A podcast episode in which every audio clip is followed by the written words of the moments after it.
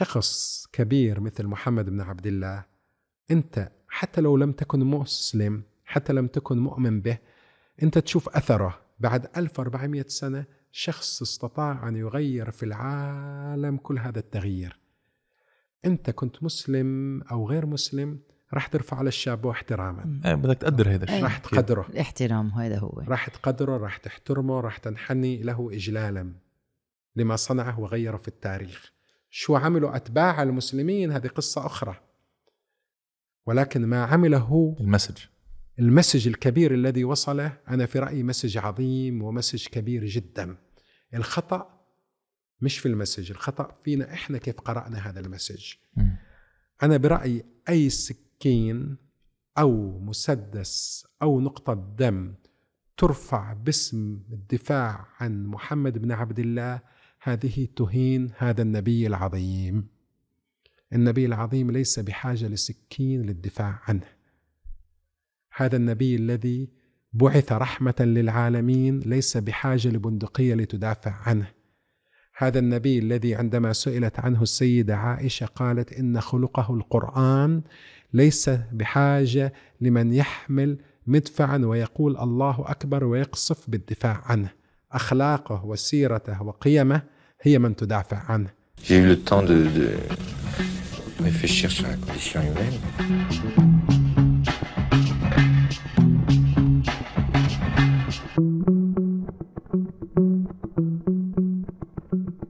قبل ما نبلش الحلقة بدنا نذكركم تعملوا لايك لهالحلقة to subscribe. كمان وتكتبوا commentات. أكيد. commentات. commentات. و... وإذا فيكم تكتبوا كمان reviews على Spotify انغامي Apple Podcast كمان بيساعدونا. هو شيء كتير صغير لكم بس it makes a big difference وفي Patreon إذا بدكم تدعمونا. وفي كمان ال merchandising يلي طلعناه من شي شهرين ثلاثة. صح إيه هيدي الحلقة آه، يعني sponsored by ال patrons تبعونا اللي عن جد آه، بلاهم ما في سردة. exactly sardeafterdinner dot com إذا بدكم تشتروا تيشرتات أو هوديات صح voilà. حسن مصطفى welcome to سردة مرحبا. مرحبا. نحن مش من زمان عملنا حلقة مع شرحه هيك عم نحكي عن العلاقات. العلاقات بين المسيحية والإسلام بالعالم العربي. وأكيد يعني بطبيعة الحال بدنا كمان نعمل حلقة تانية عن علاقة ال- أو المسألة السنية والشيعية. كمان بالعالم العربي. وفكرنا وكنا عم نبحث وطلع اسمك بعدة مرات وكيم هايلي ريكومندد من أشخاص فنحن كتير مبسوطين أنك أنت هون لأنه بدنا نحكي عن هول الأمور. آه، بدنا نحكي عن المذاهب بدنا نحكي عن التاريخ الإسلامي بدنا نحكي عن الإسلاميين والدولة الإسلامية. ويلي بتسميه إسلام الأول. صح 100% كمان. 100% و اللي بيضحك أنا وميدي نحن عم نبحث بهال بهالموضوع آه، صار في هيك ردود فعل يمين شمال. في عالم قالت لنا لا شو بدكم أنتم بهالشغلة؟ ما ما توجعوا راسكم. آه، في عالم تاني قالت لنا لا.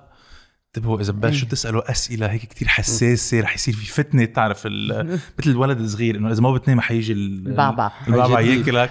إذا بتسالوا الأسئلة رح تسبب فتنة يعني ما صار في شوية trauma آه so أول سؤال قبل ما نفوت بهول التفاصيل ليش هالقد في ردة فعل آه، غريب ليه في انزعاج لما نسال أسئلة عن الاسلام وعن المسلمين. آه، لأنكم ببساطة جالسين تدخلوا عش الدبابير. فمرحبا بكم في عش الدبابير. يعني أنتم طوال الحلقات الماضية وكانت حلقات كثير منها ممتعة وجميلة وتلقائية كنتوا تتناولوا مواضيع مهمة ولكن لساعاتها أقل ضرر. آه، للأسف عندما تكون الإبرة التي تلسع تلسع باسم الدين باسم المقدس باسم الله والله من ذلك بريء. هنا تكون الخطورة. آه، ربما البعض اللي حذركم حذركم من باب الخوف عليكم.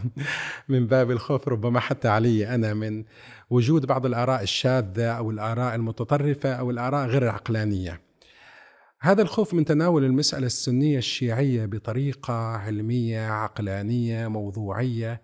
سبب أننا نغرق في المقدس نغرق في تقديس المذاهب. نغرق في جعل هذه المذاهب كانتونات مغلقة وكأنها جنات عدن.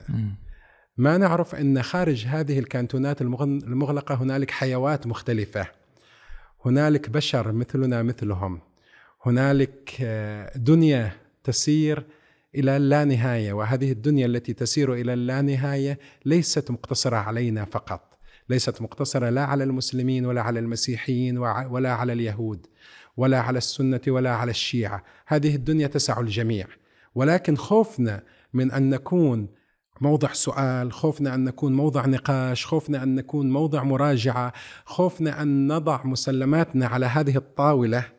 هذا الخوف يجعل الكثيرين يدعوكم إلى الانكفاء عن مراجعة هذه المواضيع أو يدعوكم إلى عدم الدخول في عش الدبابير. في حين أننا لكي نتخلص من كل هذه الدبابير لابد أن نفتح العش. لابد أن نقول لهم game over صح. هذا اللعب باسم الدين وهذه المتاجرة باسم المقدس وهذه المتاجرة باسم الطائفة. هذه لعبة قذرة يجب أن تنتهي الآن الآن وليس غدا. أنت ما عندك أي مشكلة تحكي بهيدا الموضوع؟ أيوة. وأنت آه، لنعرف عليك شوي أكثر أنت باحث كاتب. وكاتب وإعلامي. آه ف وإذا في مشكلة نكرانا منه الحل ما هيك لازم نحكي إيه؟ عن هول المواضيع. وإذا بدك نطرحهم بشكل يعني هيك آه، آه، عفوي هذا شيء it's okay أنا أنا من الناس اللي يعتقدوا إن ليس هنالك من مقدس. ليس هنالك شيء فوق السؤال. ليس هنالك شيء فوق البحث. إذا نريد نتقدم كبشر يجب أن نعمل عقولنا. يجب أن لا نعطي لعقولنا استراحة. يجب أن لا نعير عقولنا للآخرين لكي يفكروا بالنيابة عنا. رجال الدين سواء في أي دين كانوا أو في أي مذهب كانوا ليسوا بأكثر علم منا. نحن أعلم بشؤون دنيانا. هذه الحياة اللي راح أعيشها راح يعيشها حسن. مش راح يعيشها رجل الدين الآخر اللي ياخذ قرار بالنيابة عني، هذه الحياة يجب أن أكون أنا من يمسك بناصيتها، أنا من أخذ قرار نفسي، وبالتالي أنا من أختار، ليس لأحد أن يفرض علي مذهب معين، ليس لأحد أن يفرض علي دين معين، ليس لأحد أن يفرض علي علاقة معينة مع الله عز وجل. هذه العلاقة يجب أن أصيغها أنا بحسب نظرتي للكون بحسب نظرتي للإله بحسب نظرتي لاحتياجاتي كإنسان. أنا عرفت عني كباحث ككاتب كصحفي كإعلامي ولكن أنا قبل كل شيء بشر. أنا بشر محب لهذه الحياة. أريد أن أعيش الحياة بكل متعها دون أن أؤذي أحد ودون أن أعترض على أحد ودون أن أمارس أي عدوان تجاه أحد. لكن ليس من حق الآخرين أن يضعوا علي حدودا باسم الطائفة وباسم المذهب. هنا الإشكالية الأساسية ما بين المذاهب أن المذاهب أقفاص المذاهب قيود. المذاهب. هي آه، دائما أكتب عبارة أغرد بها في تويتر آه، أقول الطائفية حبل مشنقة اقطعوها. هذه هي الطائفية والطوائف. الطوائف تخنقنا. ليس معناه هذا أن لا يكون الإنسان بلا لون أو رائحة أو فكر أو أو تصور لاهوتي للكون، ليكن لديك تصورك ولكن هذا التصور لا يكون السجن والمحبس الذي تضع فيه نفسك ولا تستطيع أن تخرج منه. بس في عالم تبني هويتها الدينية على هذا الأساس على الطوائف وعلى المذاهب إذا ماني غلطان. هذه الهويات الدينية التي تبنى على الطوائف والمذاهب هذه هويات أقلوية ضيقة. م. هذه هويات آه غير قادرة على الحياة مهما عاشت. هذه هويات تحمل بوادر موتها تحمل بوادر الشتات في داخلها. إذا أردنا أن نستمر كبشر في حياتنا لابد أن نكون بشر منفتحين.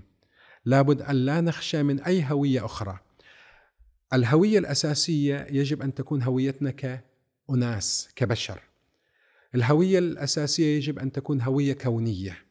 هذه الهوية الكونية هي الأرضية التي نقف عليها جميعا التي يقف عليها السعودي واللبناني والإماراتي والمغربي والأرجنتيني والبرازيلي من كل الألوان والجنسيات بعدها تأتي الهويات الفرعية الثانية. إذا لم نجد أنفسنا على تساوي وعلى ذات الأساس مع الشخص الذي يعيش في أقصى فنزويلا على سبيل المثال أو في أفغانستان أو في الصين أو في سيشل بتمنى هالحلقة لو سجلناها في سيشل على إيه. على هالشط الجميل. نحن كمان. بعيد بعيدا عن صراعات المذاهب. هذه الهوية هي الهوية الجامعة. إذا بقينا محبوسين في الهوية الدينية سوف نجد أنفسنا معزولين.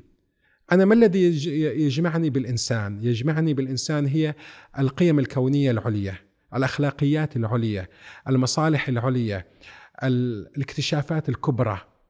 هذه سعة الكون هذه هي القيم الأساسية التي تبني الهوية. عندما أبني هويتي آه، على أساس ديني سأجد نفسي أصنف أقول هذا مسلم هذه مسيحية هذا شيعي هذه سنية. الشيعي نفسه سأقسمه هذا أصولي هذا إخباري. الأصولي نفسه سأقسمه هذا يقلد المرجع الفلاني وهذا يقلد المرجع الفلاني.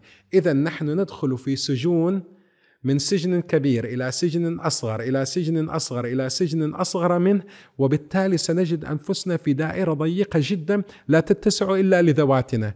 ويمكن في النهاية الواحد يقتل حاله يشوف, يشوف المكان صغير حتى على نفسه. صح. هذه مشكلة الهوية الدينية الضيقة. أن نحن لا ننظر إلى سعة الدين بمفهومه الروحاني الروحي. نحن للأسف ننظر إلى الدين بمعناه الفقهي ومعناه الأيديولوجي. وهنا خطر الهويات الدينية المغلقة. فيني أسألك آه، سؤال عن أنت كيف بتعرف عن هويتك الدينية للأشخاص اللي بركة ما بتعرف؟ آه، أنا أعتبر نفسي إنسان نقطة على السطر. نقطة على السطر. إنسان نقطة على السطر لسبب. أن لا الشأن الديني أعتبره شأن فردي شأن خاص بالإنسان وحده. حتى لو قدمت نفسي كمسلم وأنا شخص مسلم لا أحب أن أقدم نفسي ضمن هوية مذهبية لا سنية ولا شيعية. إذا إذا إذا كانت هنالك هوية بعد أن أكون إنسان وفقط أقدم بها نفسي فمسلم نقطة على السطر لا أكثر ولا أقل. والهوية الأفضل التي أقدم بها نفسي أن أقدم نفسي كإنسان. لأن ديني كمسلم هذا شأن بيني وبين ربي، ليست شأن بيني وبين البشر الآخرين، ما يحكم علاقتي مع البشر الآخرين هو إنسانيتي مدى أخلاقي متى تعاملي بالتي هي أحسن متى مدى صدقي متى إخلاصي مدى إنجازي مدى فائدتي لهؤلاء البشر. كوني مسلم هذا أمر يعود آه، لي شخصيا ولعلاقتي بالله. وأنا شخصيا أعتبر العلاقة مع الله علاقة فردية لأني مؤمن أن الخلاص حتى ما بعد الموت هو خلاص فردي وليس خلاص جماعي. أنت أنت ما بتعتقد العالم اللي بتتسمع على هيك خطاب بركي رجال الدين أو العالم اللي بركي متطرفة أكثر بتعتبر هذا الخطاب هرطقة؟ آه ليست هرطقة لسبب. هم يعتقدون أنه هرطقة صحيح. والبعض قد يعتبره زندقة. م. والبعض قد يعتبره استفزاز وكل هول صحيح. الكلمات. آه ولكن أنا من منهج يؤمن أن الطرق إلى الله بعدد أنفاس الخلائق. كل الطرق تؤدي إلى روما. م. في القرآن الكريم يا أيها الإنسان إنك كادح إلى ربك كدحا فملاقيه.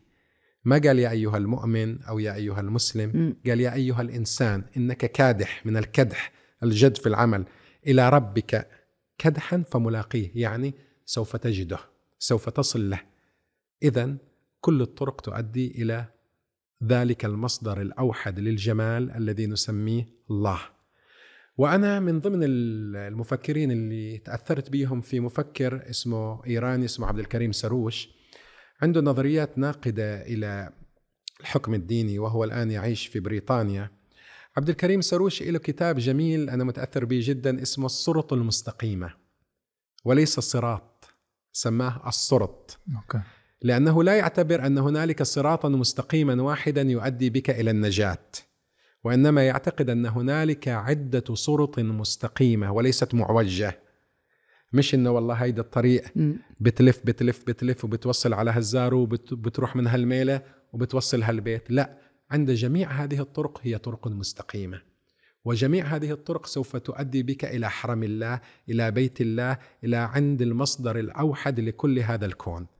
هذه الطرق المستقيمة برأي عبد الكريم سروش هي التي من الممكن أن تخرجنا من تخندقنا من تشبثنا بأن هنالك حقيقة واحدة بأن هنالك حق واحد وما عداه هو الباطل. ما هي مشكلة المذاهب؟ مشكلة المذاهب ليس في أفكارها. ممكن يكون عندك مذهب عندي مذهب عند أي شخص مذهب. كفكرة بس مشكلة المذهب عندما يصبح وكأنه الحقيقة المطلقة التي لا يدانيها الباطل مزبوط. من بين يديها ومن خلفها. ما فيك تسأل ولا سؤال. ما فيك إيه؟ تسأل ولا تسأل والأخطر أن المختلف معك هو باطل. ومن هنا نشأ التكفير من هنا نشأ التضليل من هنا نشأ القتل. عبد الكريم سروش يسقط كل هذه الأدوات من يد المتطرفين ويقول إن هنالك صراط مستقيمة وليس صراطا واحدا وأنتم ليس لكم الحق أن تقولوا أن هذا الطريق طريق معوج. طالما أنه سوف يؤدي بي إلى مصدر الخير الأوحد وهو الله عز وجل هذا الطريق طريق مستقيم وليس طريق اعوج ف تفضل. إيه كنت بدي أقول إنه كنت عم تحكي عن هذا الموضوع. قرينا بواحد من من مقالاتك إنه قلت هذا سكوت آه رح اقريها اختفى الإسلام المتسامح واليوم المسلم ما عنده إلا خيار أو سنة أو شيعي. محدود يعني. كيف؟ إيه محدود. كيف وصلنا لهون؟ وصلنا لهون لسبب مش سبب عدة أسباب. خليني أكون صريح المسائل معقدة جدا. آه، في تاريخ المسلمين تاريخ فيه جزء من الخير وفيه جزء من الشر. دائما أن نقول أن أننا أحسن الأمم هذه كذبة. لازم نصارح أنفسنا بأن إحنا فينا شيء من الرحمن وفينا شيء من الشيطان. فينا شيء من النور وفينا شيء من الظلام. فينا شيء من الرحمة وفينا شيء من الغلظة. كما قدمنا غصن الزيتون للأسف سيوفنا انغمست بالدم. تداخل السياسي بالديني بالقبائل بالصراع على السلطة بالفهم الاحادي للدين هو الذي وصلنا إلى هذه الأقفاص المغلقة التي تسمى المذاهب. المذاهب نشأت بعد صراع طويل من بعد وفاة النبي الأكرم محمد بن عبد الله. والخلاف الذي حصل تاليا على من يكون الخليفة. وأتى من بعده في الخلاف ما يعرف بالخلافة الراشدة وما يعرف عند الشيعة بالإمامة وتاليا الدول التي أتت الدولة الأموية والدولة العباسية والدول التي أتت بعد ذلك وصولا إلى الدولة البويهية و الدولة الصفوية والدولة العثمانية ووصولا إلى الدول الوطنية الحديثة. كل هذا التاريخ للأسف كان تاريخ فيه الكثير من الصراع البشري. المسلمين للأسف عندما يقرؤون هذا التاريخ يقرؤونه بتبجيل وكأنه تاريخ مقدس. في حين أن هذه القراءة التبجيلية تجعلنا لا نبصر الأخطاء. تجعلنا نتغاضى عمدا عن الهفوات بل عن الكوارث وليس مجرد الهفوات. تجعلنا نغفل عقولنا ونسلمها لأئمة المذاهب. وهذه مذاهب لم تكن موجودة على عهد الرسول. في عهد الرسول لم يكن هنالك شيعة وسنة. كان هنالك محمد بن عبد الله النبي الأمي القرشي. لم يكن هنالك لا شيعة علي ولا سنة أبي بكر. كان علي وكان أبو بكر كانوا من صحابة الرسول وكانوا من قومه الذين ناصروه والذين عملوا معه على إنشاء الدولة الإسلامية. من أتى بعد وفاة رسول الله والأحداث التي حدثت تاليا وهي أحداث مريرة للأسف هذه الأحداث لم تقرأ بشكل علمي. لذلك نشأت المذاهب كتخندقات. أنا شخصيا عندما أقرأ نشوء المذاهب أقرأه ليس بالمنظور الديني الذي يضفيه كل فريق. يعني السنة لديهم سرديتهم لنشوء المذاهب والشيعة لديهم سرديتهم لنشوء المذاهب.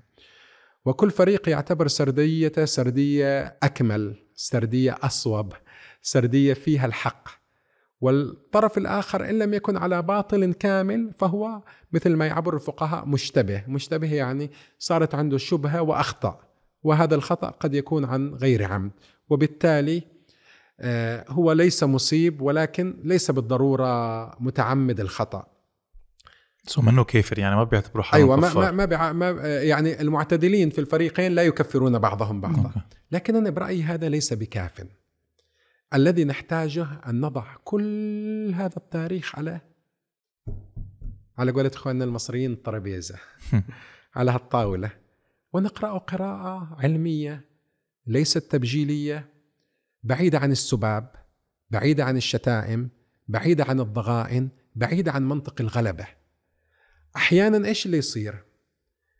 يجي السني يقرأ سرديات الشيعة لكي يكتشف المثالب والأخطاء الموجودة في هذه السرديات لكي يرد عليها. نيته منا عليك نور. نيتهم منا صافية. أو يبحث في سرديات التشيع عما يعزز رأيه ك مسلم سني. والعكس؟ صحيح. يأتي الشيعي ليذهب ويبحث في كتب السنة عما يعزز رأيه وعقيدته كشيعي أو ما يجده لكي يرد به على أهل السنة. هذه صارت مناكفة. هذه ليست قراءة علمية. عم بفتشوا على الفروقات. عليك إيه، نور عم. بفتشوا على الفروقات. عم بفتشوا على مواضع الخلل كي يزيدوا الناس خللا. أنا يفترض آتي لكل هذا التاريخ وأقرأ قراءة محايدة. للأسف أكثر من كتبوا في هذا المجال كتبوا بطريقة تبجيلية. حتى في كتاب للشيخ جعفر السبحاني وهو فقيه موجود الآن في إيران ومرجع ديني ويفترض به شخص علامة وشخص باحث و و و. إلى كتاب عن الملل والنحل. وعندما تتعرض إلى الملل والنحل وهي الفرق الإسلامية الموجودة يفترض تقرأها قراءة موضوعية. أنت جالس تت- تتطرق إلى الملل والنحل. ما يفترض أن تنحاز. جلست أقرأ إلى الشيخ السبحاني وهو كتاب من أربع مجلدات. أقرأ في الكتاب ويتكلم عن الزيدية. يعني هل لا يتكلم عن الزيدية إلا هم إحدى فرق الشيعة؟ جلست أقرأ إلى عن الزيدية. يتكلم عنهم من باب المناكفة والانتصار إلى الشيعة الاثنا عشرية اللي هو ينتمي لهم. أنا قلت يه يعني شو هذه القراءة اللي يفترض من باحث وعلامة؟ إذا من الآن هو جالس يقرأ قراءة فيها من المناكفة وعلشان يثبت بطلان عقائد أو أفكار الزيدية. فما بالك إذا وصل إلى من سواهم والذين هم على خلاف معه؟ هذا للأسف يتكرر هذا الشيء عند أكثر الكتاب تحديدا الإسلاميين المسلمين سنة وشيعة القراءة الكيدية. من كتبوا قراءة غير كيدية هم للأسف قلائل. من أبرزهم وهم من تيارات مدنية. من أبرزهم مثلا هشام الجعيط في كتاب الفتنة. من أبرزهم مثلا طه حسين في كتاب الفتنة الكبرى.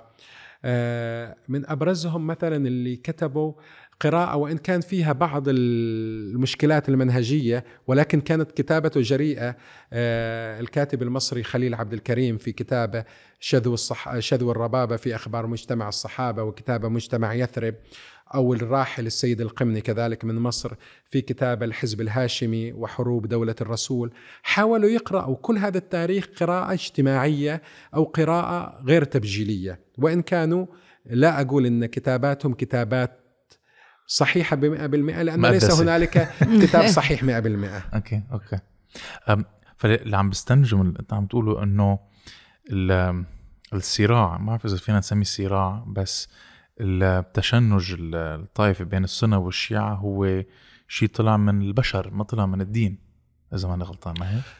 هو شيء طلع من البشر والبشر استخدموا فيه الدين بمعنى إن البشر جو للنص الديني سواء بعض النصوص الواردة في القرآن الكريم أو في الأحاديث النبوية وجيروا هذه النصوص لصالحهم. مثلا الشيعة لديهم حديث دائما يستندون عليه في إثبات إمامة آل البيت إني مخلف فيكم الثقلان كتاب الله وعترتي آل بيتي. بما مضمون الحديث إن تمسكتم بهم لن تضلوا من بعدي أبدا. السنة لديهم نفس الحديث ولكن كتاب الله وسنتي. أوكي. غير الكلمة. عليك نور تغير الكلمة. هنا لما تتغير الكلمة يتغير المعنى وتتغير الدلالة. أكيد. هنا نرجع إلى أصلا نشأة الحديث تدوين الحديث. إلى أي درجة هذا الحديث الذي وصلنا وفعلا صادر عن النبي محمد بن عبد الله؟ إلى أي درجة جزء منه موضوع.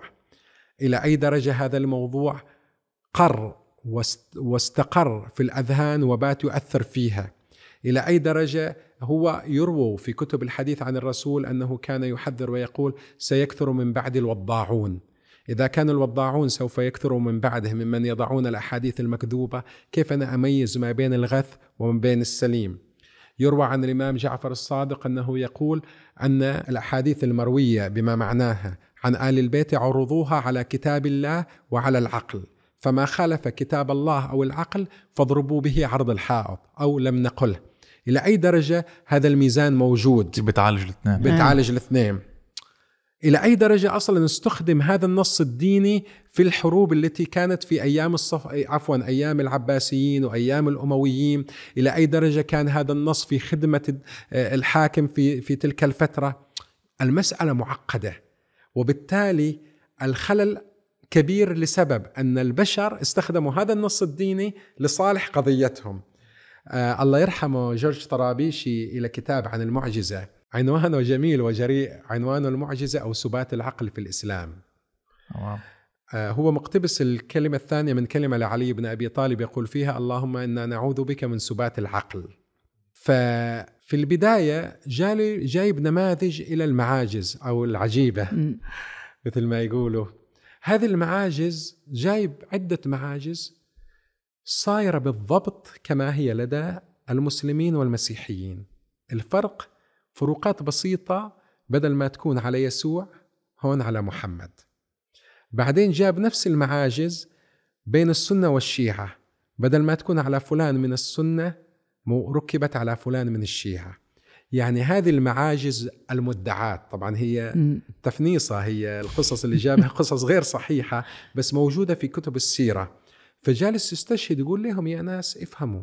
ترى هذه ما تعتقدون أنها كرامات أو معاجز غير حقيقية ومدعاة ولم تثبت لا بعقل ولا بصريح قول من القرآن هذه كانت أحدى أدوات الحرب ما بين المسلمين والمسيحيين من جهة وهي أداة إحدى أدوات الحرب ما بين السنة والشيعة من جهة كل يريد أن يثبت أنني على حق. هنا الخطر البشر عندما يستخدمون الدين تصبح الخطورة أكبر يا معين لأن هنا الخلطة السرية. الدين بالنسبة للناس مصدر نجاة إيه. مصدر راحة مصدر طمأنينة. بتيجي بتقول لي ترى السنة هم الذين يوصلونك إلى الجنة. انتبه الشيعة راح ياخدوك على جهنم. بتقول لا لا لا ما بدي جهنم بدي وين؟ بدي الجنة. الجنة. يجيك الشيعة يقول لك انتبه نحن عنا الفردوس. هدول راح يودوك على نار متقدة. بتقول لا بدي أروح على الفردوس. فهون الخطورة.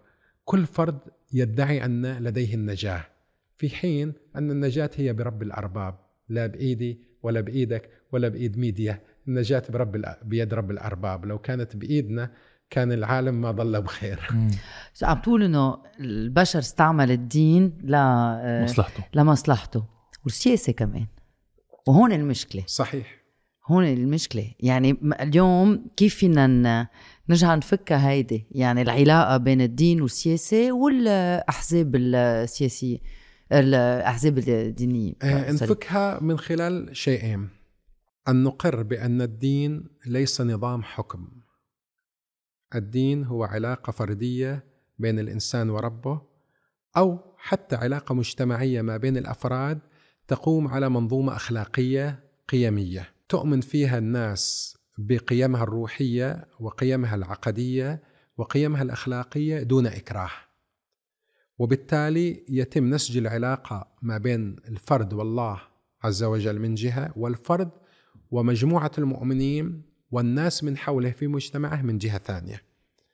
يعني نخلص من سالفة الشعار الذي يرفعه الإخوان المسلمون أو يرفعه حزب الله أو يرفعه الولي الفقيه أو يرفعه المرشد الأعلى أن الإسلام دين حكم. لا الإسلام علاقة روحية وعلاقة مجتمعية ما بين الفرد والله وما بين الفرد والمجموعة البشرية. الشيء الثاني ترسيخ دولة المواطنة.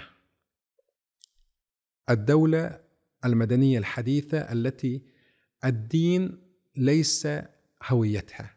أنا دائما أقول الدولة كائن مدني بشري وليست كائنا ديني فصل الدين عن الدولة فصل الدين عن الدولة فصل تام بمعنى علمانية الدولة البعض قد يخشى من كلمة علمانية أنا ما أخشى من كلمة. علمانية إيه. ولا ياخدوها أعتبرها مسبة. أي ولا إيه، أعتبرها. مسبة يا محنا البعبع يعني إيه. بالعكس يعني ميديا العلمانية هي الفضاء الذي يحمي الدين لو أغلب المؤمنين ينتبهوا إلى حكاية العلمانية بمعناتها الصحيح لوجدوا أن أفضل فضاء يحمي الدين هو الفضاء العلماني لأن الفضاء العلماني فضاء لا يجبر الإنسان على عقيدة أو فكر معين.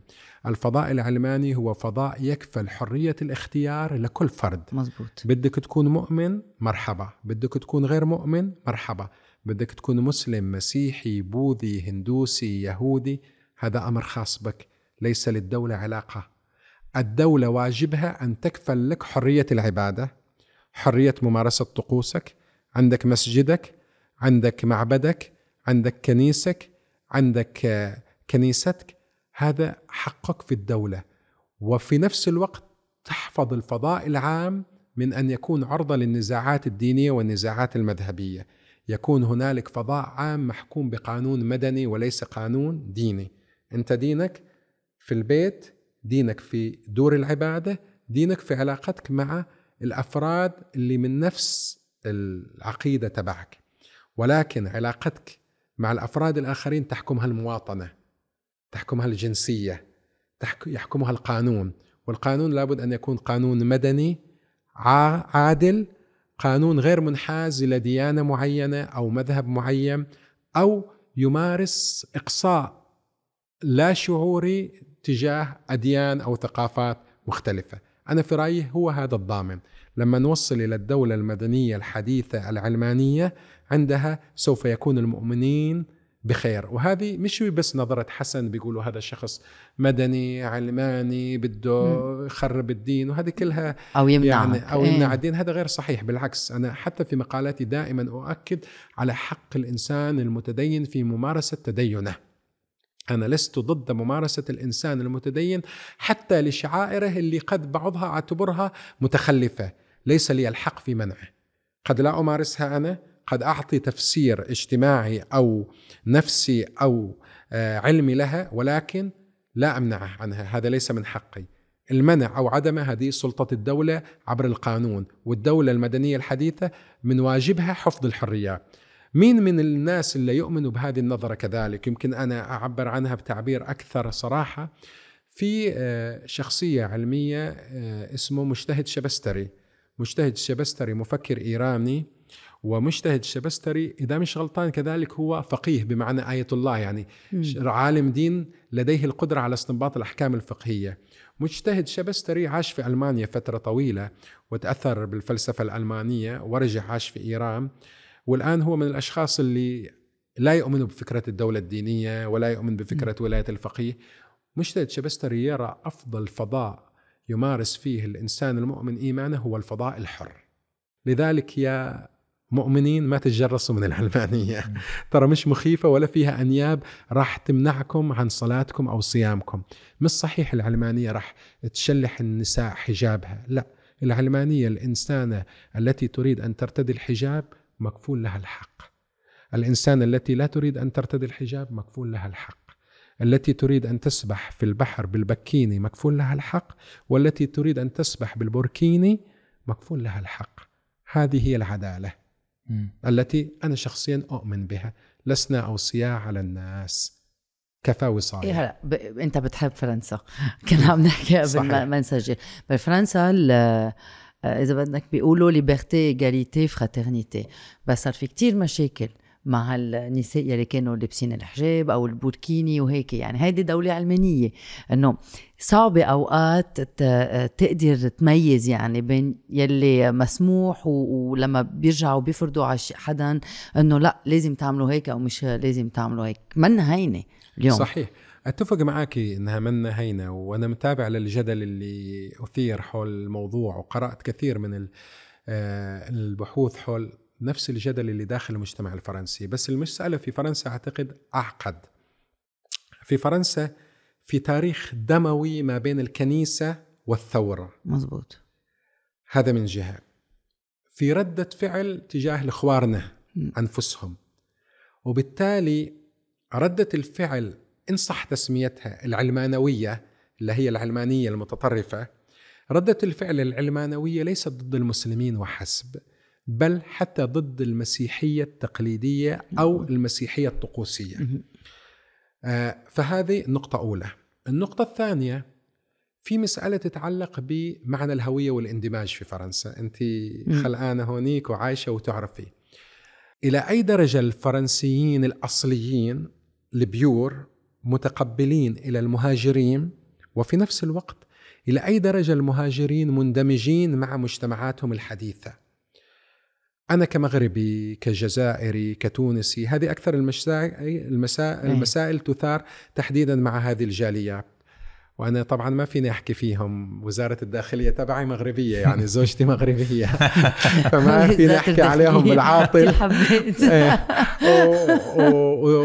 ومرت أختي نورة فرنسية كمان. وأولادها آدم ويانيس فرنسيين وزوجها عبد المالك في فرنسا عايشين يعني. وليهم التحية والمحبة. فهم بالأساس هلا مواطنين فرنسيين صحيح؟ يحملوا الجنسية المغربية والفرنسية. بس هون أنا ما أحكي على عائلة زوجتي بس هون كمان جزء من الصراع. أنا مغربي أو فرنسي. أوكي؟ هذا الصراع لابد أن يحسم. لابد أن لا يبقى هنالك التناقض ما بين الهويتين. يجب أن تكون هوياتنا هوية مركبة ليست هوية متناقضة. ما في مشكلة أن أكون مسلم وفرنسي أو مغربي وفرنسي. لابد أن أتصالح مع هويتي الجديدة وأندمج فيها. ما أعود جالية مش الجالية اللبنانية مم. بفرنسا أو الجالية المغاربية بفرنسا لا أنا الآن صرت مواطن. ما ما يبقى في هذا الحنين. أبطل أسمع رشيد طه والشاب خالد والغربة صعيبة وغدارة قولوا لامي ما تبكي يا المنفي وهالأغاني اللي تشعل الحنين. أوكي بيبقى عندنا هذا النوع من الحنين المرضي. آه تتذكروا أنتم في حلقة من الحلقات سجلتوا مع نديم قطيش صديقنا فقال إنه هو بطل يعلم أولاده إنه يكون عندهم هذا الحنين إلى لبنان ما يكون عندهم إيه. الانتماء بقى إيه. صح. يكون عندهم المحبة بس مش إن هذا الحنين القاتل نفس الشيء المسلمين المهاجرين في فرنسا أو وهذا- بغير بلد إيه وهذه المشكلة لأكون منصف ليست موجودة لدى المسلمين فقط حتى المسيحيين المهاجرين لفرنسا من من أفريقيا من لبنان من غير دولة من سوريا هلأ. عندهم هذا الصراع ما بين هذه الهويات. فنرجع لسؤالك ميديا. هذا ال- المسألة إن صحيح المسائل مش هذه الراحة بهذه الراحة للقضية الثانية السبب الثاني عدم عدم الوصول إلى نتائج حاسمة في معنى الهوية والإندماج. لسه في مشكلة في الهوية والإندماج مم. في المجتمع الفرنسي. الشيء الثالث اللي عمق المشكلة الإرهاب. أكيد. إيه. الإرهاب والتطرف المضاد اليمين المتطرف. في إرهاب إسلاموي من جهة العمليات اللي نفذها داعش في فرنسا في باريس في الهجوم على المسرح في نيس في, في أماكن مختلفة حتى قبل داعش. يعني إيه. وحتى قبل داعش في عمليات أيام النضال الفلسطيني خطف مزبوط. الطائرات والتفجير وغيرها. وفي نفس الوقت ال- الرسوم اللي كانت تنشرها مثلا آه، صح آه، المجلة آه، ذكريني باسمها. تشارلي أبدو. شالي أدو إيه. الكاريكاتيرية. بالنسبة للفرنسيين هذا نوع من حرية التعبير. بالنسبة للمسلمين هذا نوع من الاستفزاز والاعتداء على المقدس. اذا في غير الصدام ال- المسلح وكمان في في إرث المسلمين التاريخ الاستعماري الفرنسي في ج- في شمال إفريقيا وفي الشام في كمان هذا ال clash الثقافي. صح. في هذا التناقض الثقافي. هذه حرية تعبير ولا اعتداء على المقدسات. exactly إيه ف... فهذا اللي يخلي المسألة معقدة. فيني بس أزيد شغله آه، قبل ما ننتقل على ال point أنت بتعتبر إنه اللي بيعملوه شارلي ابدو حرية تعبير آه أنا ما أنظر للمسألة بمنظورها النظري. المتسامي. إذا بننظر إلى كمنظور نظري متسامي جدا على مستوى النظرية وفق ما هو مطروح في الإعلان العالمي لحقوق الإنسان ما هو مطروح في القيم الفرنسية راح نشوفه وفق هذا المعنى المدعاه ما بين هلالين راح ننظر إليه أنه حرية تعبير.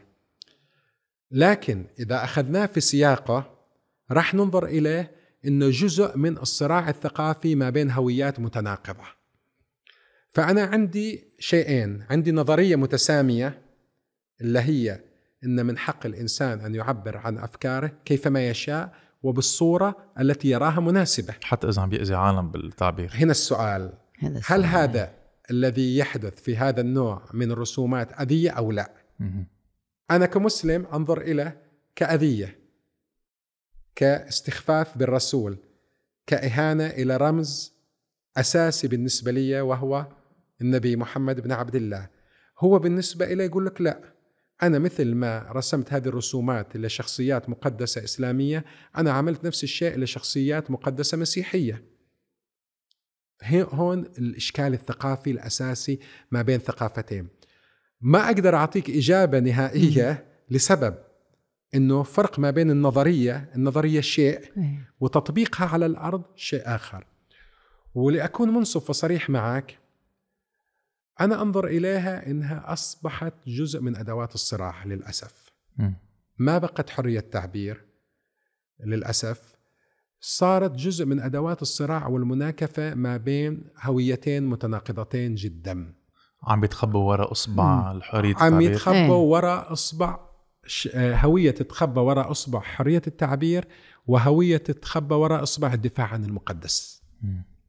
يعني في أصلا تفكيرين مختلفين أنا واحد من الناس مؤمن أن من حق الإنسان أن يمارس حريته إلى أقصى حد طالما أنها تحت سقف القانون أنا مرجعي الوحيد هو القانون وهذا القانون يختلف من بلد إلى بلد. القانون بالسعودية غير القانون بالإمارات غير القانون بفرنسا غير القانون ببريطانيا غير القانون بأمريكا. أنا بالنسبة لي البلد التي أكون فيها لابد أن أحترم قانونها. صح. هذا حسن المصطفى ما يؤمن به. وجهة نظري تكون صحيحة تكون فيها نوع من آه، خلينا أقول المثالية ما أعرف. يمكن أكون شوي أخوت في أفكاري ما أعرف ولكن. في نفس الوقت يعني إنا كفيناك المستهزئين. بما مضمون الآية الكريمة شخص كبير مثل محمد بن عبد الله أنت حتى لو لم تكن مسلم حتى لم تكن مؤمن به أنت تشوف أثره بعد 1400 سنة شخص استطاع أن يغير في العالم كل هذا التغيير أنت كنت مسلم أو غير مسلم راح ترفع على الشاب احتراما. إيه بدك تقدر هذا الشيء. راح تقدره. الاحترام هذا هو. راح تقدره راح تحترمه راح تنحني له إجلالا لما صنعه وغيره في التاريخ. شو عملوا أتباع المسلمين؟ هذه قصة أخرى. ولكن ما عمله ال message. ال message الكبير الذي وصله أنا في رأيي message عظيم و message كبير جدا. الخطأ مش في ال message. الخطأ فينا إحنا كيف قرأنا هذا ال message. مم. أنا برأيي أي سكين أو مسدس أو نقطة دم ترفع باسم الدفاع عن محمد بن عبد الله هذه تهين هذا النبي العظيم. النبي العظيم ليس بحاجة لسكين للدفاع عنه. هذا النبي الذي بعث رحمة للعالمين ليس بحاجة لبندقية لتدافع عنه. هذا النبي الذي عندما سئلت عنه السيدة عائشة قالت إن خلقه القرآن ليس بحاجة لمن يحمل مدفعا ويقول الله أكبر ويقصف بالدفاع عنه. أخلاقه وسيرته وقيمه هي من تدافع عنه. أنا أدافع عنه بالعلم بالحكمة باليد الممدودة. بأن أكون شخص منتج مش أكون عالة على المجتمع وأنا أدعي الدفاع عن رسول الله. لا. رسول الله فيما يروى عنه أطلب العلم ولو كان في الصين وكان يحث على العلم والتعلم. رسول الله كان يأتي إليه الأعرابي ويمسكه من ياقته ويقول له يا محمد أعطني من مال الله. مش مش مالك هذه هذه مش فلوسك. وكان أثر الياقة يبان على رقبته. كانوا الصحابة بعضهم يه شو عم يعمل هذا؟ كان الرسول يقول دعوة. أعطوه. شوف كيف كان التعامل كيف كان الرقي. عندما دخل إلى مكة خافوا قريش من المجازر. قالوا هلا راح يعمل فينا السيف مثل ما نحن عملنا به قال اذهبوا فأنتم الطلقاء. وقال من من دخل دار أبي سفيان فهو آمن. هون الأمان. هل الإسلام الآن نحن نريده دين أمان أو دين تفرقة ودين دم ودين توحش. هذا التوحش الذي لسنوات نغذيه باسم الإسلام هذا الوحش يجب أن يقتل. إمتى إمتى أقول لك بلش هذا التطرف الاسلامي يعني نحن ما بعتقد أه، سمعة الدين الإسلام صار صار شوي تشوه يعني من وراء التطرف من وراء عملية الاغتيال من وراء التيروريزم إمتى صار هذا الشيء؟ مش من وراء الوهابيزم؟ لا. للأسف بذور العنف في الفكر الإسلامي قديمة جدا. آه، أبو الفرج الأصفهاني إلى كتاب شهير عنوانه مقاتل الطالبيين. اقرأ آه. كيف كان المسلمين يبيدوا بعضهم بعضا في هذا الكتاب. آه، يعني وكان يتكلم فقط عن الطالبيين يعني عن مجموعة محددة. المرحوم هادي العلوي أنا من المفكرين اللي أحترمهم وأحبهم. رغم أن هادي العلوي المفكر العراقي له خلطة خاصة هو صوفي وهو يساري وهو منقلب على التراث وهو عاشق إلى التراث إلى كتاب فظيع جدا. وأنا أنصح بقراءته عنوانه آه، الاغتيال السياسي في الإسلام. يعني تخيل من بعد وفاة الرسول الأكرم عمر بن الخطاب اغتيل. عثمان بن عفان اغتيل. علي بن أبي طالب اغتيل. ابنه الحسن بن علي اغتيل. الحسين بن علي اغتيل. والحبل على الجرار. شو القصة؟ في بذور عنف. للأسف هذه بذور العنف يجب أن نقرأها قراءة تفككها. هذا الاغتيال الذي تم باتجاه صحابة رسول الله. أبو بكر وعمر وعثمان وعلي هذول كانوا حواليه. الحسن والحسين جميع المسلمين يعبر عنهم إنهم سيدا شباب أهل الجنة. شو اللي صار؟ شو اللي خلى هذا النوع بعدين حتى ما بين الصحابة يصير قتال في الجمل وفي صفين؟ بعدين حتى ما بين من يعتبروا نفسهم مؤمنين يقومون الليل ولهم دوي كدوي النحل كما يقال عندما يقرؤون القرآن الكريم. وعندما ذهب لهم عبد الله بن عباس رجع إلى علي بن أبي طالب قال له خي شو هدول؟ جباههم ساجدة لله يحفظون كتاب الله ما بعرف شو ما بعرف شو. اللي هم الخوارج وصارت المعركة الشهيرة ما بين علي بن أبي طالب والخوارج في النهروان. إذا هذا التاريخ تاريخ ضارب في الإسلام من جذور قديمة. لذلك دائما أنا في مقالاتي أقول يجب أن نفرق ما بين الإسلام كدين أتى به محمد بن عبد الله هذا الإسلام الأول النقي الذي للأسف فقدناه والإسلام التاريخي. جميع ما يحكى عنا الآن هو الإسلام التاريخي. أوكي. الإسلام الأول الذي يمثل النواة الصلبة لا يمكن لأحد الآن أن يدعي ويقول أنا أمتلكه. وهذا موضوع كنت أتمنى لو طال به العمر المرحوم كان عندكم بباريس بالسوربون آه، محمد أركون. أنا من الناس اللي أعتبر نفسي محب له جدا ولكتبه ومن الناس اللي غير تفكيري محمد أركون. عندما يف- يفكك هذا التشابك ما بين الإسلام التاريخي والنص عندما أتى. يجب أن نفرق ما بين الاثنين. هذا العنف اللي تفضلت عنه معين هذا سببه الصراعات التي تمت في الإسلام التاريخي وإحنا ورثناها وإحنا تشبثنا بها.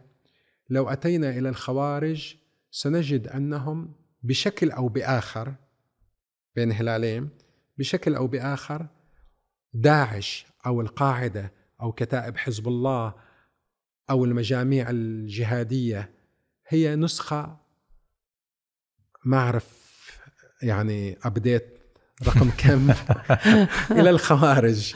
ويا ليت أحيانا يكون ال up ال update إلى ال- المراجعة الجيدة.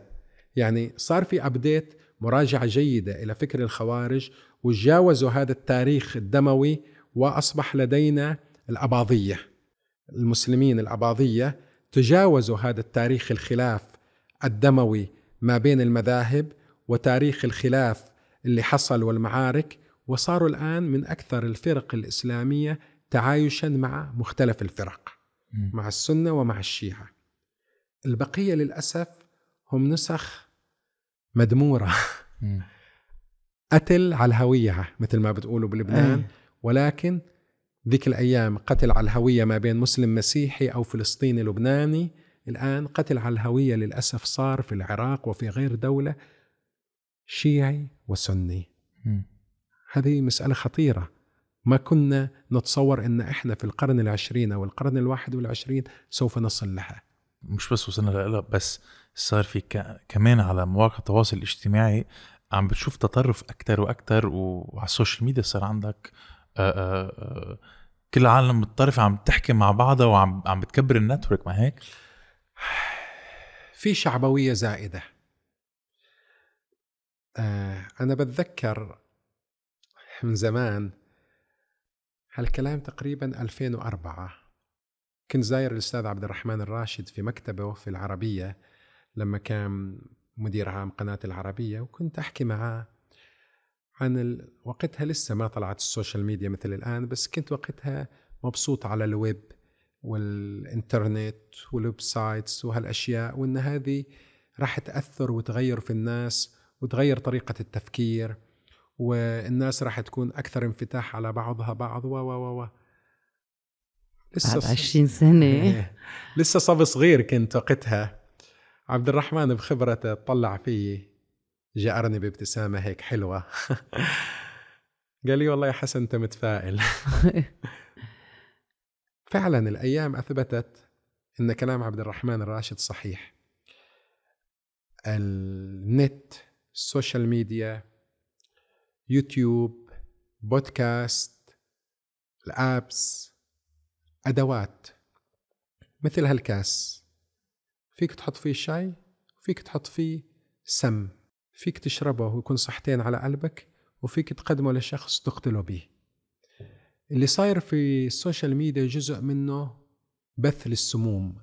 في روائي شهير من أمريكا اللاتينية قال إن ال social media أتاح إلى مجموعة من المعتوهين واللي كانوا يجلسوا ويثرثروا في البارات إنهم يثرثروا صار عندهم منصة مثل ما هي وما عم بيستحوا بقى من بعض.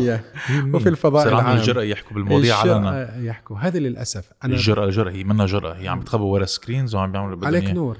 المشكلة أنا ضد إقصاء أي شخص عن منصة ال social media ولكن كمية المعتوهين اللي صايرين يقدموا شتائم تحريض على الكراهية تحريض على القتل تحريض على العنصرية تنمر على الآخرين ويا ريت بأسمائهم الصريحة. قليل جدا منهم اللي يقول هذا أنا أنا ما عندي مشكلة مع اللي يجي ويواجهني. كليب كيف قتل؟ كيف؟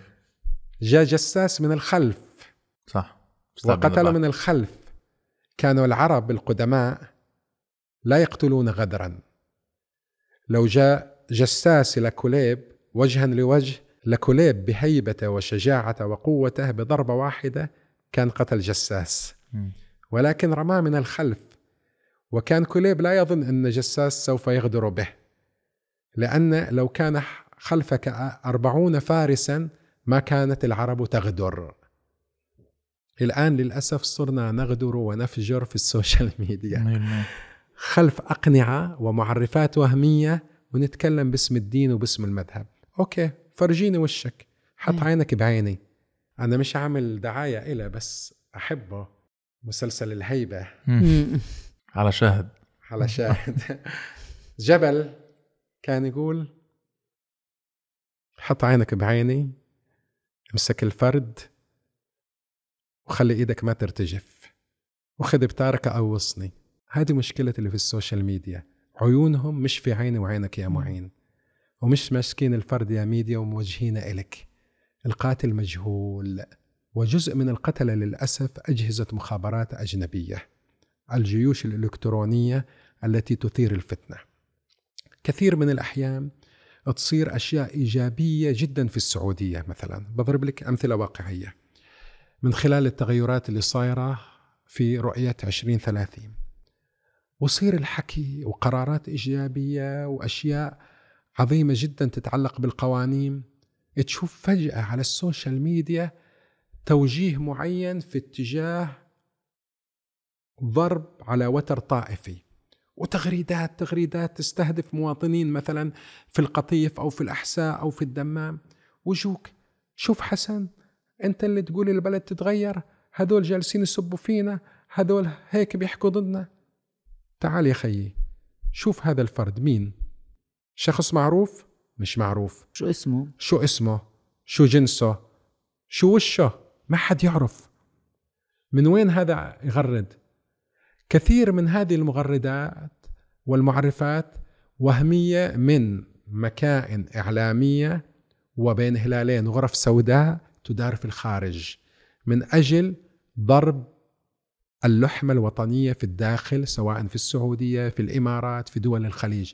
ما أقول لك ما عنا بلا. ما أقول لك بطلنا مثل ما يقول المثل ما في دود. لا نحن بلدان طبيعية. عندنا مشاكلنا. عندنا ناس عندهم تفكير طائفي. عندنا شيعة منغلقين وعندنا سنة منغلقين. ولكن دول يوما بعد يوم يصبحون أقلية. يوم بعد يوم العقول تتصفى. يوم بعد يوم القانون يمنعهم. الآن في السعودية ما في حي الله حدا يركب على منبر ويقول الشيعة كفار أو حدا يركب على منبر ويقول السنة كفار يقولوا له تعا أنت مفتكر هذا المنبر منبر بيك؟ مفتكر هذه الكلمة مش رصاصة؟ مثل ما إطلاق النار على من تعتبره أنت مشرك جريمة الفتوى التي تكفر بها أنت هذا الشخص هي الجريمة الأساس وهي المحرض الذي قاده لعمل القتل وعمل الإرهاب. تعال أنت تمارس الجريمة والقتل مثل ما هذا الشخص يمارس وهنالك قانون يحكم. بمعنى إن هنالك قوانين جالسة تتطور وجالسة تمنع هذا الفعل وهنا نقطة مهمة مرتبطة بنقاشنا حول الشيعة والسنة. لابد وجود قانون رادع. شو قصدك؟ قصدي يا معين لابد أن توجد قوانين تجرم الكراهية تجرم العنصرية تجرم الخطابات الطائفية. مثل ما أنا أمنع التمييز على أساس الجندر. مثل ما أنا أمنع التمييز على أساس اللون لابد أن أمنع التمييز على أساس الدين والعرق والطائفة. هذه وظيفة متقدم لها شخص أختار هذا الشخص لكفاءته. وليس لقبيلته. أختار هذا الشخص لكفاءته وليس لطائفته. أختار هذا الشخص لكفاءته وليس لجندره. هنا تكون العدالة. هذه القوانين إذا كانت موجودة والآن بلشوا فيها هذه القوانين هي من سوف تحمي المجتمع. لأن حتى الفلاسفة هذه يختلفوا فيها. في فلاسفة يجي يقولوا الإنسان بطبعه مجبول على الخير وبالتالي لو تقول له أنا هذا أمشي في طريق الخير أو أمشي في طريق الشر بيقول لك لا تمشي في طريق الخير. في فلاسفة ثانيين يقول لك لا الإنسان بطبعه مجبول على التسلط. مثل ما يقول أبو الطيب المتنبي الظلم من شيم النفوس. مجبور مجبول الإنسان يعتبر نفسه أنا ربكم الأعلى. كيف تفهم لا يا خيي؟ خلي رجلينك على الأرض. أنت على مساواة مع الجميع؟ القانون. القانون هو الذي يساوي ما بين الوزير والغفير مثل ما يقولوا. صح. ما بين السيد والمسيود. إن هذا القانون أنت مواطن نقطة على السطر. ما لك أفضلية كونك سني أو شيعي. ما لك أفضلية كونك من الشمال أو الجنوب أو الشرق أو الغرب. ما لك أفضلية كونك مسلم أو مسيحي. لك أفضلية بإنجازك مواطنتك كفائتك. سجلك النظيف وكفاءتك. بس ما بتعتقد إنه إذا بتحط هيك قوانين آه هو نوع من الرقابة لحرية التعبير؟ يعني خلص عم بتحط سقف إنه أنت ممنوع تحكي بهالطريقة بس الحكي شيء وال فرق ما بين فرق ما بين حرية التعبير وما بين القوانين الناظمة للفضاء العام. إيش أقصد أنا بهذه القوانين؟ لأن لأن في قوانين هيك على فكرة ما هيك بس تزيد على اللي عم تقوله. إنه لما حدا بينكر اباده اليهود بالحرب العالمية الثانية هيدي فيها اذا حبس أو فيها فيها مصاري لازم تندفع. هيك أنت قصدك لازم يصير؟ أنا قصدي كالتالي. ما يجي أحد يجي إلى معين علي جابر يقول له أنت لبناني شيعي أنت يجوز قتلك أنت في جهنم يا أهل السنة يعني. والجماعة عليكم به. هذا تحريض واضح على القتل. م. هذا تحريض على الكراهية. ما يجي حدا لميديا يقول لها أنت مسيحية غير مسلمة متبرجة تضعين أحمر الشفاه عرفتي؟ ويجوز قتلك أو أن ناخذك من سبايا داعش. شو؟ وين جالسين نحن؟ لا يحق لا لسني أن يكفر شيعي ولا لشيعي أن يكفر سني ولا لمسلم أن يكفر غير المسلمين. خلاص. هذا الجنون يجب أن ننتهي منه. القانون هذا اللي أقصد به يا معين. فرق ما بين تجي أنت وتعمل قراءة نقدية للتاريخ الإسلامي وتبين في هالقراءة النقدية كل المثالب. هذه قراءة نقدية عادية. وفرق ما بين أجي وأنا أحرض عليك. التحريض على الكراهية شيء مثل الآن. تلاقي في أوروبا مثلا وهذه صارت في أكثر من دوري لكرة القدم في وتحديدا في الدوري الإنجليزي تصير أحيانا هتافات عنصرية ضد لاعبين ملونين وتحديدا ليكونوا من أصول أفريقية. يجي القانون يضع عليهم غرامات على الجمهور أحيانا أحيانا على النادي نفسه بسبب أنه استخدم عبارات عنصرية. الفترة الأخيرة لما تكلم رغم أنه ما تكلم بكلام عنصري ولكن تكلم بكلام فهم منه أنه فيه شيء من الاستنقاص والغمز من قناة زين الدين زيدان مم. رئيس الاتحاد الفرنسي لكرة القدم مزبوط يه. مستقيل بعدين قامت. الدنيا وما جلست واستقال إيه. هذا قصدي بالقوانين أوكي. هل هذه فيها حجر على حرية التعبير؟ ما فيها حجر على حرية التعبير أنت ما زالت حرية التعبير مكفولة لك في نقد أي خطاب ديني ولكن ليس لك الحق في التحريض على أي شخص لأسباب دينية أو عرقية أو جندرية. هذا اللي أقصده بالقوانين. أنا كنت بدي أشوف كي إنه اليوم سو آه، آه، أنت برأيك لنتخطى كل هيدي ال- هول المشاكل ما عنا غير القانون القانون في غير طريقة لنطلع من هول الطائفية والعنصرية إنه هذا القانون لأنه أوقات القانون ما ما كتير آه، ظابط بكم حسب مين كاتبه يعني. إيه حسب مين كاتبه وحسب وين عايش يعني. آه خلينا نكون واقعيين. أول خطوة يجب أن تتخذ أن تتعايش هذه الطوائف والمذاهب والأديان مع بعضها البعض. إن مؤمن أن هذه المساحة تتسع لنا جميعا. أن تتسع إلينا نحن المختلفون. الشيء الثاني لابد أن ندخل في شراكات اقتصادية مع بعضنا البعض. لما يكون في فلوس وفي بزنس نقول لا أنا مصلحتي معه. خلينا ضالين بخير. الشراكات الاقتصادية ممكن أنها تذوب هذه الفروقات. الشيء الثالث خلينا نربي هذا الجيل الجديد على تربية مدنية. أن يكون هذا الجيل الجديد متربي في مدارس فيه أنا مثلا الآن آه، بنتي دانا في مدرسة بريطانية.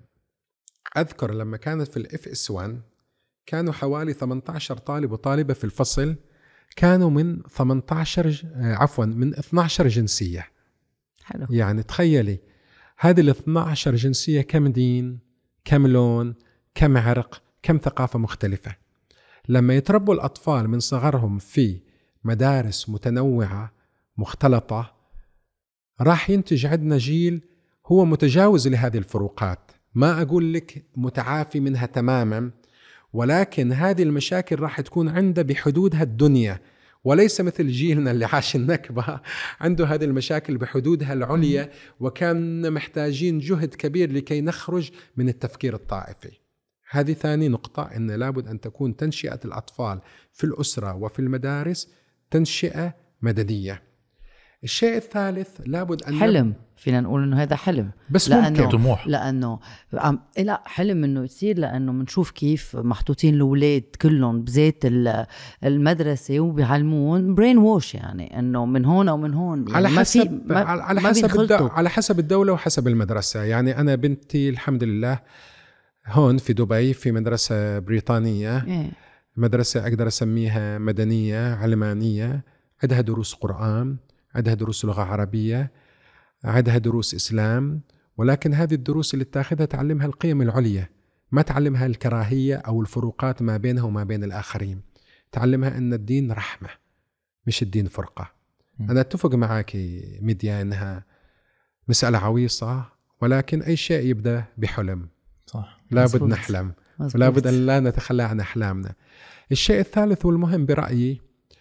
في تغيرات كبيرة خصوصا في الخليج خصوصا في السعودية والإمارات باتجاه المدنية وباتجاه سيادة القانون. إنما الأهم برأيي أن يواكبها عملية تنوير. التنوير مهم. في أوروبا اللي انتشلهم من بعد الثورات اللي حصلت الدموية اللي انتشلهم كان في تنوير كان في ديكارت لي كان في جان جاك روسو كان في ميشيل فوكو كان في دريدا كان في كل هالأسماء. كان في كل هذا النقاش.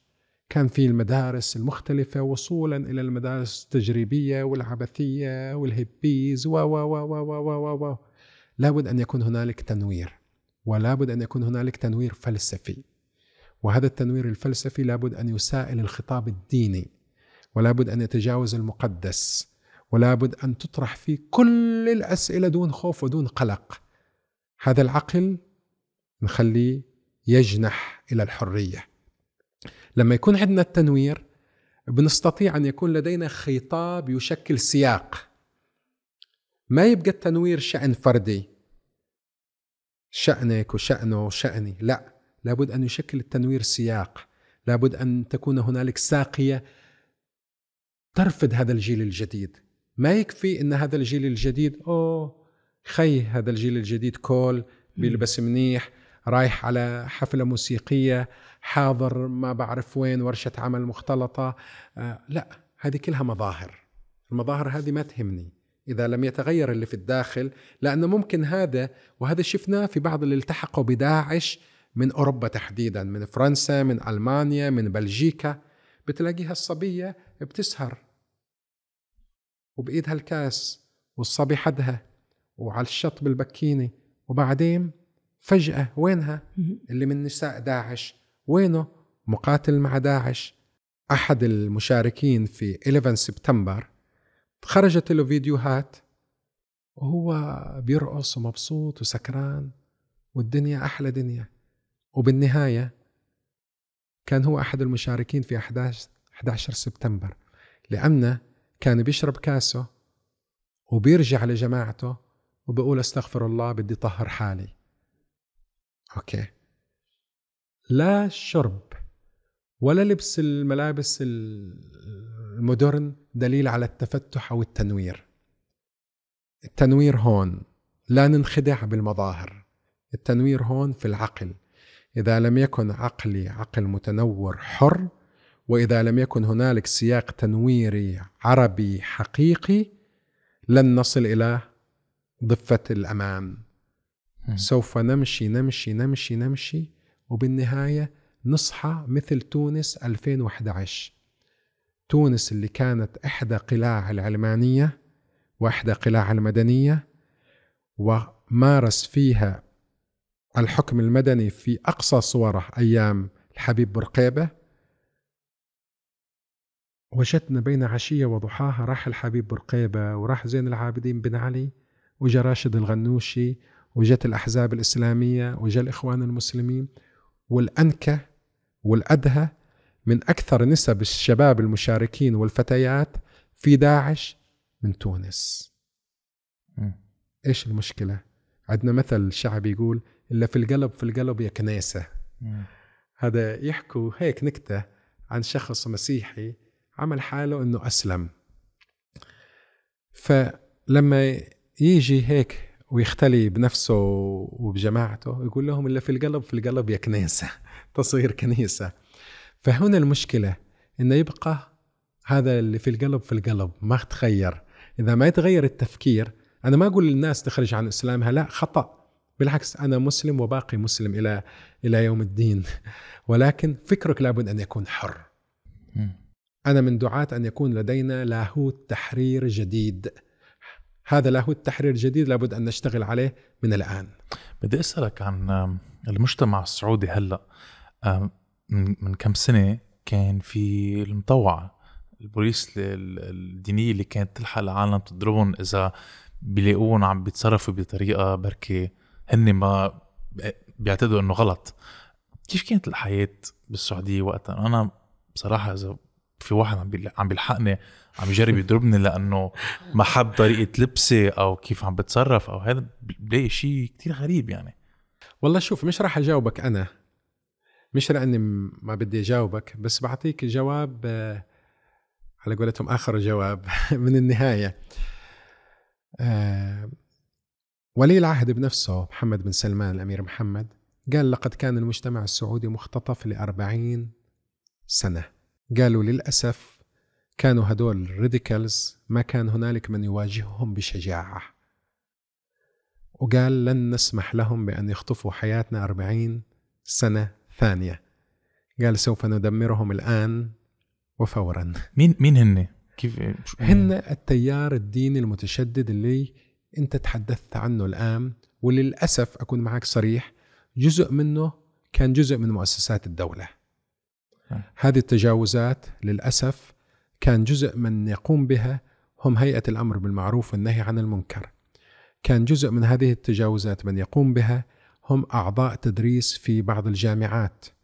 جزء من هذه التجاوزات كان يقوم بها خطباء جمعة في مساجد كبيرة في المملكة العربية السعودية. وانتشرت كمان مش بس بالسعودية وانتشرت. وانتشرت وأثرت ولكن هذا الانتشار لم يكن مصدره لنكن يعني موضوعيين سعودي وحسب. كان مصدره من عدة ثقافات أتت من الإخوان المسلمين في في مصر من حزب التحرير من الهند من باكستان من السعودية على الميل الثانية الإسلام الشيعي السياسي في إيران التشكيلات اللي صارت تاليه كانت خبيصة. مم. كانت خبيصة. هذه الخبيصة تنازع فيها آه، الإسلامويون القتال بين بعضهم البعض. الحمد لله الآن في السعودية هذا الإرث قالوا إلى جيم أوفر انتهى. رغم أني من الناس اللي دائما يحذروا من أن الأفكار لا تموت. أن لازم ننتبه. أنا لا أدعو إلى حملات تفتيش على أدمغة الناس. لا مش وظيفتي هذه. ولكن أدعو أن لا نكون بله ما نكون أغبياء ما نكون سذج. الآن كثير من الإسلاميين وتحديدا التيار ال- السروري والإخوان هم في مرحلة كمون تحت الأرض بسبب خوفهم من العقاب ومن القانون. لذلك هم الآن يلجأوا إلى أساليب أخرى عبر طرق أكثر ليونة أكثر مواربة أكثر حداثة. ومن خلال هذه الطرق يحاولوا أن يؤثروا في الرأي العام. أنا ما عندي مشكلة مع أي شخص إذا كان يتحرك ضمن سياق القانون وإذا كان عنده أجندة واضحة. أنا عندي مشكلة مع الشخص اللي يقول لك أنا مع الديمقراطية ومؤمن بالديمقراطية ومؤمن بحقوق الإنسان وأنا مع تداول السلطة وأنا وأنا وأنا وأنا. وبعدين فجأة تشوفه وصل إلى الكرسي وإذا هو ماسك السيف ويقول يلا خذوهم على المشنقة هون مشكلة وخطر الإسلام السياسي. الإسلام السياسي إسلام يستخدم مفردات الديمقراطية والحرية من أجل الوصول إلى الحكم. ومن يوصلوا للحكم أنا وأنت وهي في ال bye bye بحطونا في أكياس سود. لكن. تفضل. sorry مش راح يوصلوا لهالمرحلة إن شاء الله. إن شاء الله. بدي أسألك بعد عن طائفة ال- الشيعية بالسعودية. هلا نحن بلبنان عنا صفات لكل طائفة. شيء مأكول شيء مضطهد. الطائفه الشيعية بالسعودية يعني كيف شكلها إذا فينا نقول؟ إيه وشو وضعها؟ طائفة الشيعية في السعودية شكلها سعودي. هم مواطنون سعوديون اولا وأخيرا. وأكبر خطأ قد يعملوه السعوديون الشيعة أنا دائما أقدم كلمة سعودي على الشيعي. أكبر خطأ ممكن يعمل أي إنسان سعودي شيعي أن يقدم مذهبه على وطنه. لابد أن يقدموا أنفسهم كسعوديين. كمواطنين. إذا قدمت نفسك كمواطن راح تجد نفسك جزء من هذا البلد. أنا لا أقول إنهم لا يقدمون أنفسهم كمواطنين ولكن أنا أتكلم على مستوى النظرية. أي مواطن يقدم نفسه بوصفه السني بوصفه الشيعي بوصفه صوفي هو جالس ينحصر في دائرة الضيقة. ولذلك السعوديون الشيعة هم سعوديون أولا مواطنون أولا يعملون تحت سقف القانون. فيهم ناس عندهم أفكار متأثرة بأفكار الإسلام السياسي الشيعي وتحديدا ببعض أفكار تيار حزب الله أو التيار الشيرازي. وفيهم شخصيات متأثرة بفكر ولاية الفقيه ولكن هؤلاء يبقون أقلية. ويضيقون يوما بعد يوم لأن الآن البيئة الاجتماعية والبيئة السياسية والبيئة الاقتصادية والثقافية في السعودية باتت بيئة أكثر لأسميها استيعابا لمختلف المكونات. لما جت الرؤية رؤية 2030 الرؤية ما جت لكي تفشل الرؤية جت لكي تنجح. أنا دايما أقول للشباب الأمير محمد بن سلمان عنده واحد من خيارين. إما النصر وإما النصر مثل ما يقول محمود درويش. ما عنده خيار الشهادة أو الفشل. هذا الشخص جاء لكي تنجح هذه الرؤية. لكي تنجح الرؤية لابد أن تكون لدي بيئة مستقرة. لكي تكون لدي بيئة مستقرة لابد أن لا تكون هنالك صراعات مذهبية. لكي لا تكون هنالك صراعات مذهبية لابد أن أجفف كل منابع التوتر والخطابات الطائفية. وهذا ما تعمل عليه الدولة في السعودية حاليا. أن تجفف كل منابع التطرف في المملكة سنية كانت أو شيعية. هون لحظة تاريخية ومفصلية يجب على جميع السعوديين أن يعوها. أن يكونوا في هذه السفينة.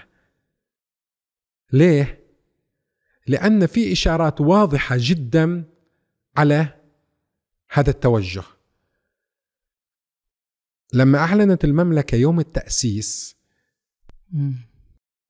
اللي هو سوف يصادف في هذا الشهر في فبراير 22 أيوة يوم التأسيس إعلان مفصلي ومهم.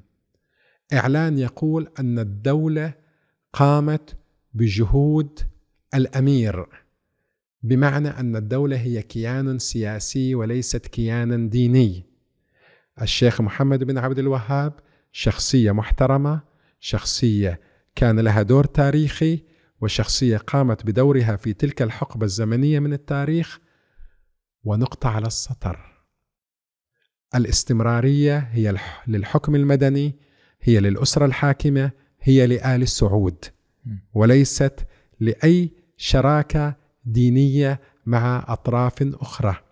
لأن كما قال الأمير محمد بن سلمان في حواره مع دت أتلانتيك قال أن الأمير أو الملك اللي هو ولي الأمر في النظام السعودي هو من يقوم بالدور الديني والدنيوي. هذه أهمية يوم التأسيس. إيش معنى هذا؟ معناته أن الأمير محمد بن سلمان والدولة السعودية جالسة تقول أنني دولة لمختلف المكونات الموجودة على أرضي. لست دولة للسنة فقط ولست دولة للشيعة فقط ولست دولة للصوفية فقط. السعودية دولة لكل السعوديين. هون اللحظة التاريخية المهمة التي على السعوديون على السعوديين جميعا أن يقتنصوها إذا السعوديين الشيعة لم ينتبهوا لهذه اللحظة التاريخية معناته في مشكلة في زاوية النظر. لكن ما أراه أنا أنهم منتبهون لهذه النقطة. وأنا كمان انتبهت لشيء. شفت لاحظت أنه بالإعلام الرسمي السعودي صار في تغطية آه، موسم عاشوراء كان. موسم عاشوراء صح. صحيح. وهذا الشيء ما كان ما كان يصير من قبل. صحيح. هيدي الخطوة لقدام بعتقد بتفرجي إنه لا مثل ما عم تقول هيدي بيئة حاضنة لكل الطوائف. أكثر من هيك أنا كتبت في إحدى المقالات قبل كم سنة في وفد رفيع المستوى من أمن الدولة في المنطقة الشرقية ذهب وزار الحسينيات الموجودة في محافظة القطيف. هذا الوفد راح وزار أكثر من حسينية. من ضمنهم حسينية السنان من ضمنهم حسينية اسمها حسينية النهاش من ضمنهم إحدى الحسينيات في في منطقة العوامية. هذه الزيارة كان لها دلالات كبيرة. الدلالة الأولى أن الأمن في موسم عاشوراء هو مسؤولية الدولة وأن إحنا كرجال دولة هذه مسؤوليتنا أن نحافظ على الأمن ونكفل للمواطنين ممارسة شعائرهم بكل أمان وأن لم يعد مسموحا أبدا لأي إرهابي أو انتحاري أن يستهدف الحسينيات أو المساجد التي يأمها السعوديون الشيعة في المنطقة الشرقية كما حدث في عمليات إرهابية سابقة. هذه رقم واحد. الشيء الثاني هذه الزيارة كانت تبعث برسالة سياسية إن هذه الشعائر هي حق مكفول وبالتالي طالما أنها ممارسة تحت سقف القانون ليس هنالك أي مشكلة. متى تكون هنالك المشكلة؟ عندما ترفع أي شعارات سياسية في مثل هذه الشعائر. أنت سوف تقرأ في ذكرى وفاة الإمام الحسين من حقك لكن لا تحول لي هذه الشعيرة إلى مسيرة ترفع فيها شعارات ضد الدولة أو صور ضد الدولة أو رايات كما فعل البعض للأسف وهذا البعض محدود جدا لكي أكون أمين ولا يمثلون إلا أنفسهم كما رفع فيها البعض بعض بعضهم رفع شعارات لحزب الله أو رايات إلى جهات أجنبية. لكن هدول لا يمثلون إلا أقلية في داخل الوسط السعودي الشيعي. أعتقد هذه الرسائل الإيجابية هذه رسائل تشير إلى أين المملكة العربية السعودية تسير.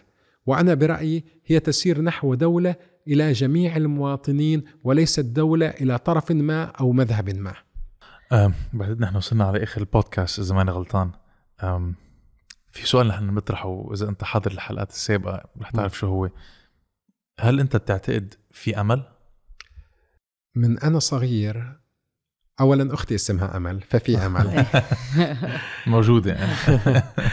الشيء الثاني من أنا صغير وفي بيتنا كانت في لوحة إطارها أبيض ولونها أسود ومطرزة إحنا نقول بالزري. هيك في ألوان. مكتوب فيها اللوحة بالأمل تحيا الحياة. وكان دائما الوالد يجلس الله يرحمه ويتغدى أو يتعشى على الطاولة الصغيرة واللوحة فوق رأسه. إيه في أمل. وهالأمل مش راح ياخذوه منا ومش راح يسرقوه. وراح نربيه والأمل بده يتحقق. الأمل تحقق والدليل هذا النقاش الحر اللي جالسين ثلاثتنا نناقشه. هذا دليل على أن الأمل موجود والأمل كائن والأمل سوف يستمر.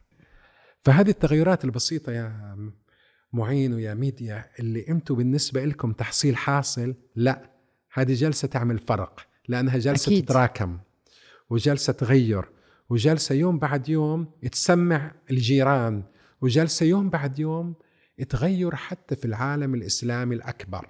السعودية هي قطب العالم الإسلامي. أي إصلاح ديني واجتماعي وفلسفي يحدث فيها سوف يؤثر بشكل تلقائي على دول الجوار وعلى العالم الإسلامي. لذلك أنا متشبث بهذا الحلم ومستمر فيه. انت بتعتقد هول التغييرات اللي عم بتصير سوري بس تزيد على الموضوع عم تقدر تحصل لأنه أغلبية العالم اللي عايش بالسعودية هن صغار بالعمر أو مش بعتقد قديش 50% تحت ال 35 مزبوط فعم بيقدروا يتقبلوا هول التغييرات بشكل أفضل؟ التغييرات آه أنا برأيي لها سببين أساسيين. إرادة سياسية من الملك وولي العهد الشيء الثاني جيل جديد آمن بالرؤية. وجيل جديد وجد ملهم. وجيل جديد وجد نموذج اعطاه دافع. لما يجي الأمير ويتكلم عن إنه رأس ماله هذا الجيل هذا الشعب السعودي أو إن همة السعوديين مثل جبل طويق. يمكن كلمات بسيطة ولكن هذه ساهمت في صنع هوية سعودية. من قبل للأسف ما كان في شيء اسمه هوية سعودية. من قبل كنا نتعلم حتى في المدارس لأن كانت التربية تربية دينية سواء عند الإسلام السياسي السني أو الإسلام السياسي الشيعي ما كان في شيء مفهوم الوطن. كانوا بدهم إذا يحتفلوا باليوم الوطني يحتفلوا هم مستحيين لأنه حرام.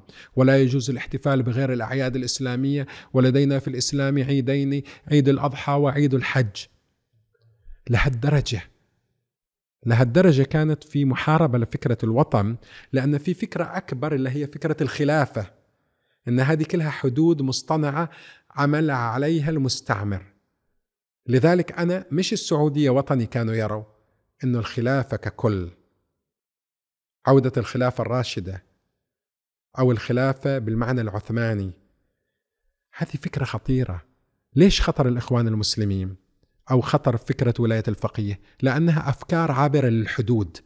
ما تؤمن بلبنان كلبنان لبنان كملحق بالجمهورية الإسلامية في إيران. ما تؤمن بمصر كمصر ككيان لا.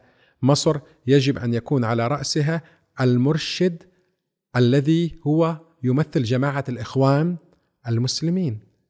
هنا خطورة هذه الأفكار. هون عمة وهون طربوش.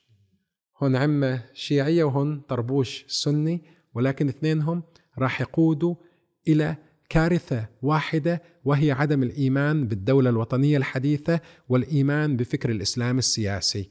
وهنا خطورة ولاية الفقيه وخطورة الإخوان المسلمين. بدنا نشكرك لهذه السردة كثير تعلمنا كثير استفدنا منها. هلأ الأشخاص اللي بدها تلاقيك وين فيها تقريك و على ال social media ما بعرف إذا مع كل شيء اللي حكيته عن ال social media وعن التطرف. لا أنت على تويتر أكيد على تويتر في سعودي منه على تويتر فيهم يلاقوني بسردة. آه، يلاقوني طبعا في موقع العربية dot net. آه، ويلاقوني على ال account تبعي على Twitter H المصطفى. آه، يلاقوني كذلك أكتب مقال أسبوعي بجريدة الرياض. وفي خرابيش كثيره ثانية.